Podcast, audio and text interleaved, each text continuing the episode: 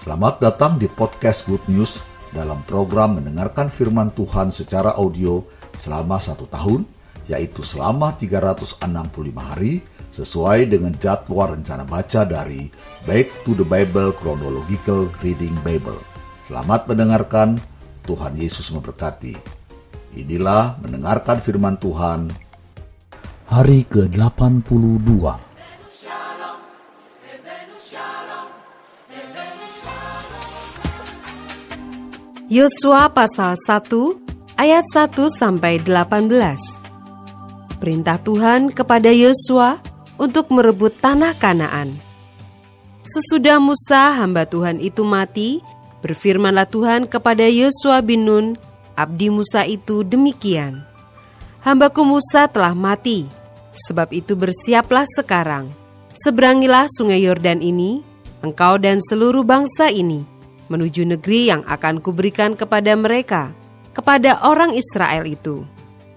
Setiap tempat yang akan diinjak oleh telapak kakimu, kuberikan kepada kamu, seperti yang telah kujanjikan kepada Musa. Dari padang gurun dan gunung Libanon yang sebelah sana itu, sampai ke sungai besar yakni sungai Efrat, seluruh tanah orang Het, sampai ke laut besar di sebelah matahari terbenam, semuanya itu akan menjadi daerahmu.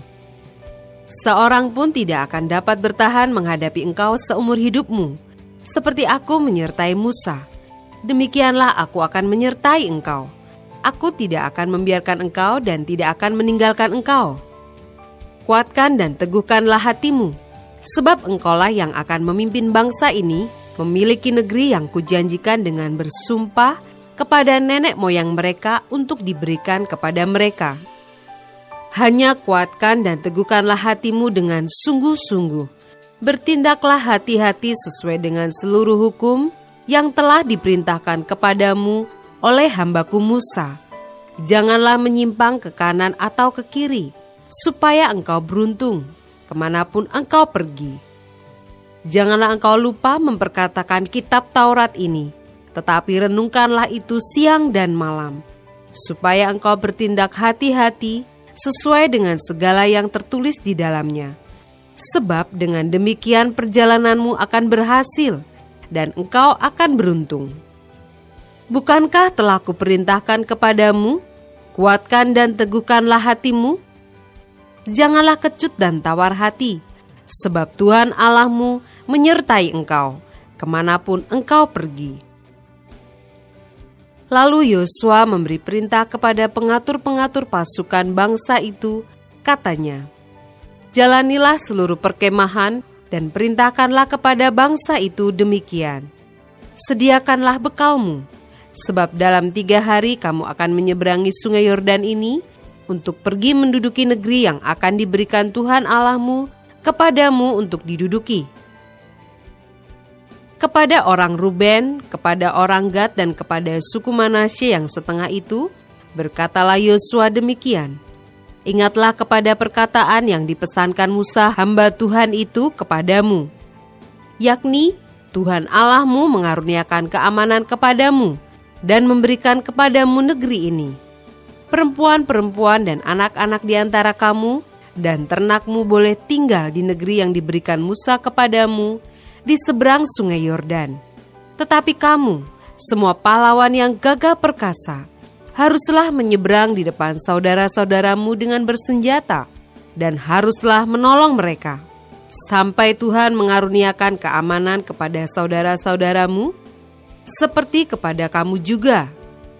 Dan mereka juga menduduki negeri yang akan diberikan kepada mereka oleh Tuhan Allahmu Kemudian bolehlah kamu pulang kembali ke negerimu sendiri dan menduduki negeri yang diberikan Musa, hamba Tuhan itu kepadamu di seberang sungai Yordan, di sebelah matahari terbit.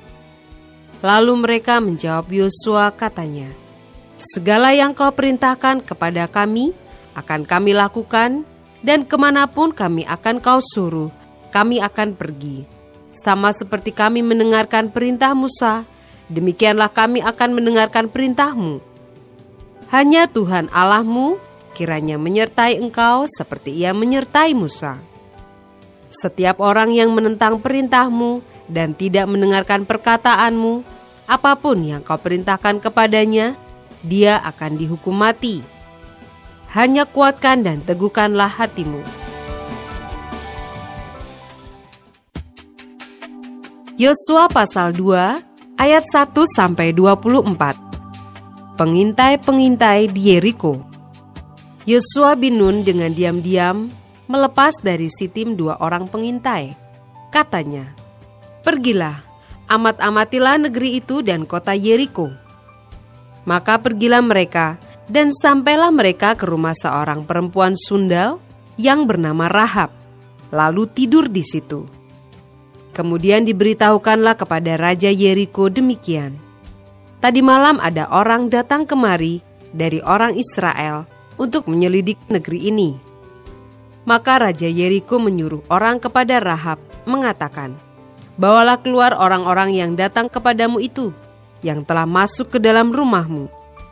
Sebab mereka datang untuk menyelidik seluruh negeri ini.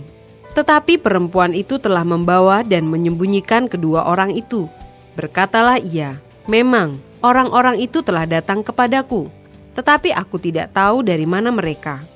Dan ketika pintu gerbang hendak ditutup menjelang malam, maka keluarlah orang-orang itu. Aku tidak tahu ke mana orang-orang itu pergi. Segeralah kejar mereka, tentulah kamu dapat menyusul mereka. Tetapi perempuan itu telah menyuruh keduanya naik ke sotoh rumah dan menyembunyikan mereka di bawah timbunan batang rami yang ditebarkan di atas soto itu. Maka pergilah orang-orang itu mengejar mereka ke arah sungai Yordan, ke tempat-tempat penyeberangan, dan ditutuplah pintu gerbang. Segera sesudah pengejar-pengejar itu keluar.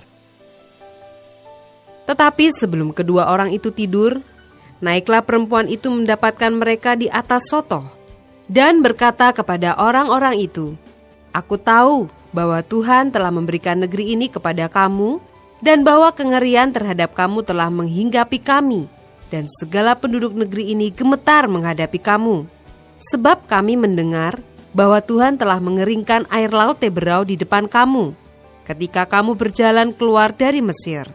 Dan apa yang kamu lakukan kepada kedua raja orang Amori yang di seberang sungai Yordan itu, yakni kepada Sihon dan Ok yang telah kamu tumpas. Ketika kami mendengar itu, tawarlah hati kami, dan jatuhlah semangat setiap orang menghadapi kamu. Sebab Tuhan Allahmu, ialah Allah di langit, di atas, dan di bumi, di bawah.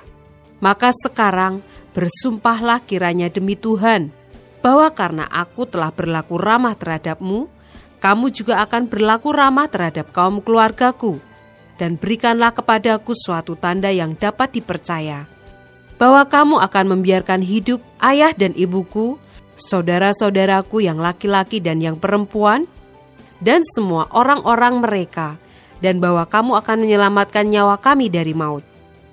Lalu jawab kedua orang itu kepadanya, Nyawa kamilah jaminan bagi kamu, asal jangan kau kabarkan perkara kami ini.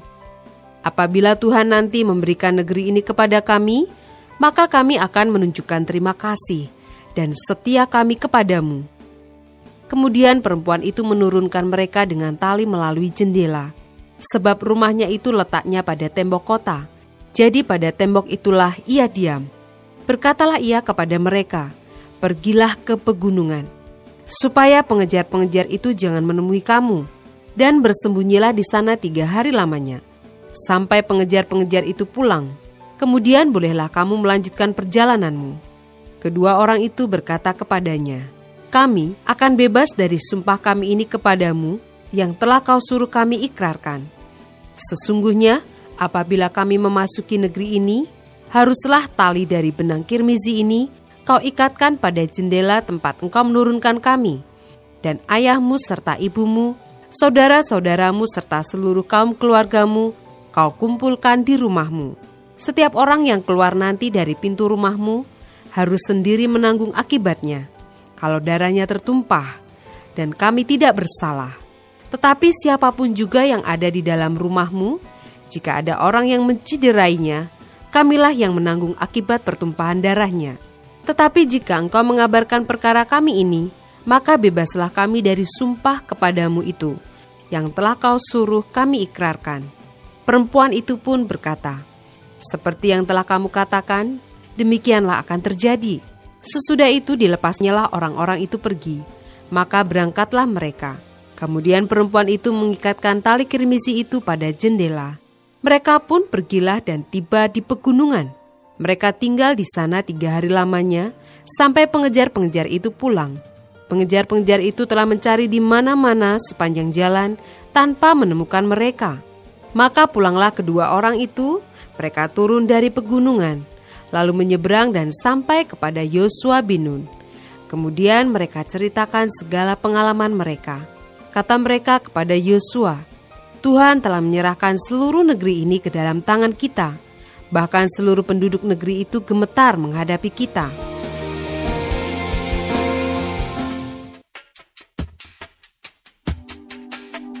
Yosua pasal 3 ayat 1 sampai 17. Menyeberangi Sungai Yordan. Yosua bangun pagi-pagi, lalu ia dan semua orang Israel berangkat dari Sitim dan sampailah mereka ke Sungai Yordan.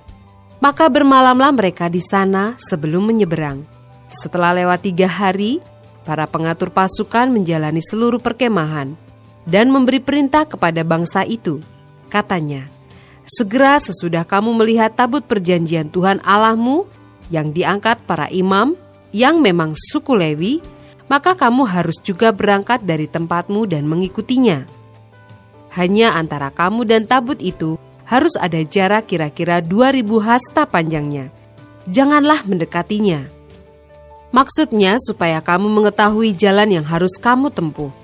Sebab jalan itu belum pernah kamu lalui dahulu Berkatalah Yosua kepada bangsa itu, Kuduskanlah dirimu, sebab besok Tuhan akan melakukan perbuatan yang ajaib di antara kamu. Dan kepada para imam itu Yosua berkata demikian, Angkatlah tabut perjanjian dan menyeberanglah di depan bangsa itu. Maka mereka mengangkat tabut perjanjian dan berjalan di depan bangsa itu. Dan Tuhan berfirman kepada Yosua, "Pada hari inilah aku mulai membesarkan namamu di mata seluruh orang Israel, supaya mereka tahu bahwa seperti dahulu aku menyertai Musa, demikianlah aku akan menyertai engkau. Maka kau perintahkanlah kepada para imam pengangkat tabut perjanjian itu demikian. Setelah kamu sampai ke tepi air sungai Yordan, haruslah kamu tetap berdiri di sungai Yordan itu. Lalu berkatalah Yosua kepada orang Israel, Datanglah dekat, dan dengarkanlah firman Tuhan Allahmu.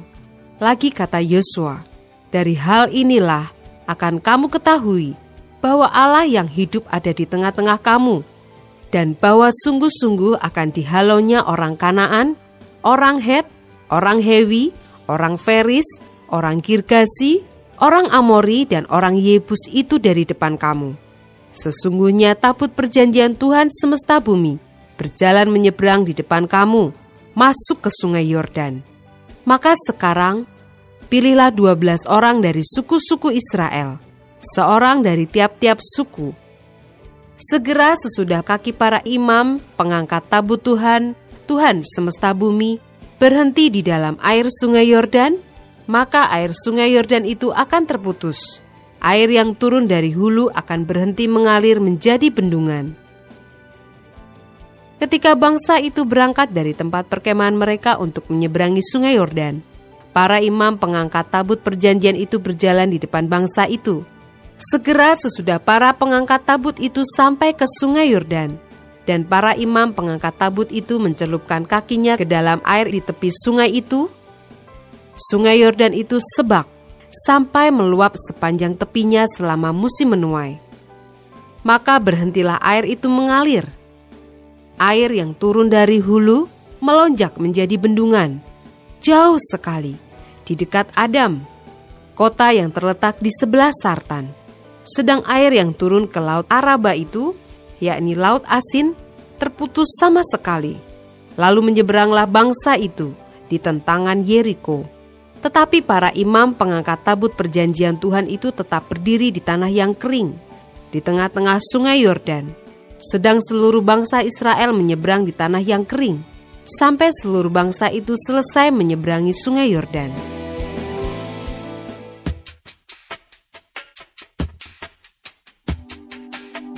Yosua pasal 4 ayat 1 sampai 24. Kedua belas batu peringatan. Setelah seluruh bangsa itu selesai menyeberangi sungai Yordan, berfirmanlah Tuhan kepada Yosua demikian. Pilihlah dari bangsa itu dua belas orang, seorang dari tiap-tiap suku, dan perintahkanlah kepada mereka demikian. Angkatlah dua belas batu dari sini, dari tengah-tengah sungai Yordan ini, dari tempat berjejak kaki para imam itu. Bawalah semuanya itu ke seberang, dan letakkanlah di tempat kamu akan bermalam nanti malam. Lalu Yosua memanggil kedua belas orang yang ditetapkannya dari orang Israel itu, seorang dari tiap-tiap suku. Dan Yosua berkata kepada mereka, Menyeberanglah di depan tabut Tuhan Allahmu, ke tengah-tengah sungai Yordan, dan angkatlah masing-masing sebuah batu ke atas bahumu, menurut bilangan suku orang Israel, supaya ini menjadi tanda di tengah-tengah kamu. Jika anak-anakmu bertanya di kemudian hari, "Apakah artinya batu-batu ini bagi kamu?" maka haruslah kamu katakan kepada mereka bahwa air sungai Yordan terputus di depan tabut perjanjian Tuhan. Ketika tabut itu menyeberangi sungai Yordan, air sungai Yordan itu terputus Sebab itu batu-batu ini akan menjadi tanda peringatan bagi orang Israel untuk selama-lamanya. Maka orang Israel itu melakukan seperti yang diperintahkan Yosua. Mereka mengangkat 12 batu dari tengah-tengah sungai Yordan, seperti yang difirmankan Tuhan kepada Yosua, menurut jumlah suku Israel. Semuanya itu dibawa merekalah ke seberang, ke tempat bermalam, dan diletakkan di situ Pula Yosua menegakkan dua belas batu di tengah-tengah sungai Yordan itu, di tempat bekas berjejak kaki para imam pengangkat tabut perjanjian itu. Batu-batu itu masih ada di sana sampai sekarang. Para imam pengangkat tabut itu tinggal berdiri di tengah-tengah sungai Yordan, sampai selesai dilakukan segala yang diperintahkan Tuhan kepada Yosua untuk disampaikan kepada bangsa itu sesuai dengan segala yang diperintahkan Musa kepada Yosua. Maka menyeberanglah bangsa itu dengan cepat-cepat. Ketika seluruh bangsa itu selesai menyeberang, maka menyeberanglah tabut Tuhan itu serta para imam di depan mata bangsa itu. Juga Bani Ruben, Bani Gad, dan suku Manasye yang setengah itu menyeberang dengan bersenjata di depan orang Israel itu. Seperti yang dikatakan Musa kepada mereka. Kira-kira 40 ribu orang yang siap untuk berperang, menyeberang di hadapan Tuhan ke dataran Yeriko untuk berperang. Pada waktu itulah Tuhan membesarkan nama Yosua di mata seluruh orang Israel, sehingga mereka takut kepadanya, seperti mereka takut kepada Musa seumur hidupnya.